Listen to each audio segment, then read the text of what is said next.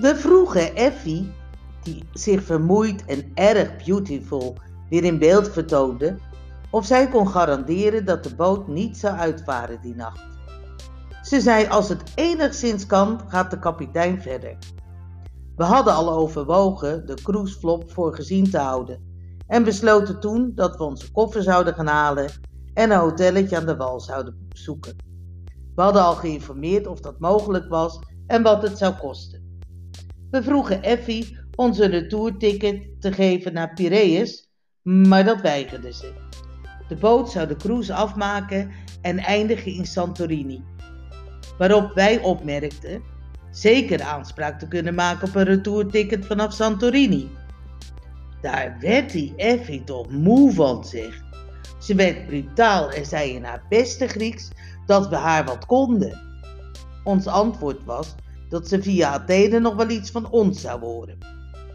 We gingen naar de veerbootjes, omdat het al half vijf was, we de koffers nog moesten pakken en om half zes de laatste terug zou gaan naar de wal.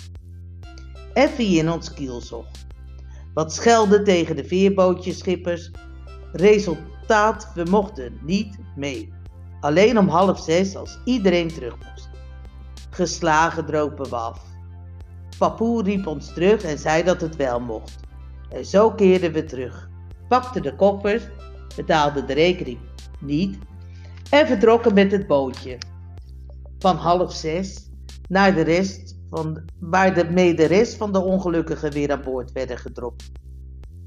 De slachtoffers, iedereen boven ons uit. De wal was onze eerste zorg, een hotel voor de nacht.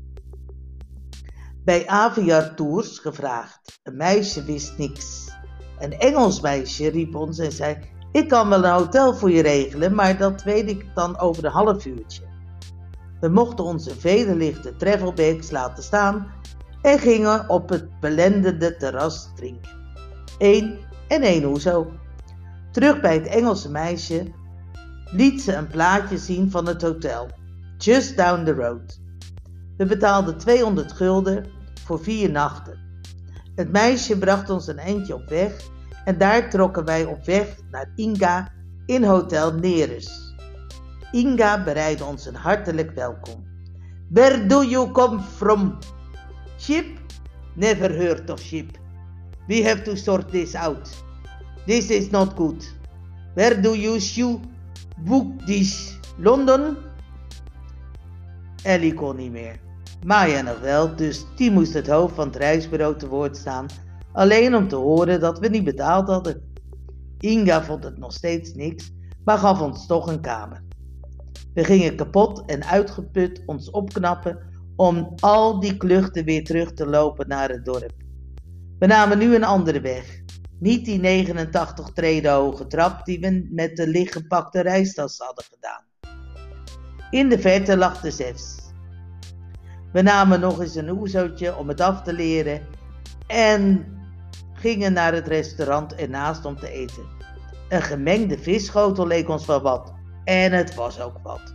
Twee garnalen, twee kreefjes, kleine visjes, waarvan we de naam niet weten. Twee dolmades, olijven, kaas, komkommer, tomaat, inktvis, zeesterren, kabeljauwwangen. Het was zalig. Daarbij nog een Grieks slaatje en dat was al, alles. Daarna op het pleintje nog wat gedronken in de zelfbediening en toen al die treppen wieder hoog, Inga om eens heerlijk te slapen. Op de muggen.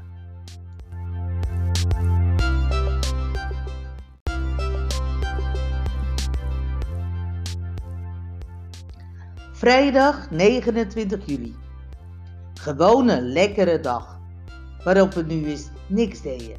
Ontbijtje bij Inga, koffie drinken in de stad, opbellen naar Holland en de Kras en Athene strand en lezen in Seel de Strandjutter over het vroeg eilandse bestaan. De zefs dobberden aan de horizon en s'avonds visjes. Volgens mij hebben we die gisteren al beschreven. En een metaxaatje toe en gewoon lekker de bergjes op en weer af en slapen. Zaterdag 30 juli.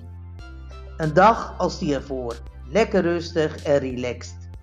Weer visjes gegeten. Op het strand zegt iemand tegen me: Aber was Sie denn hier? Ik antwoord in vloeiend Duits: Aber ich kenne Sie überhaupt nicht. En dan zegt de dame: Maar ik was ook op die boot. En dan horen we het vervolgverhaal van de zes.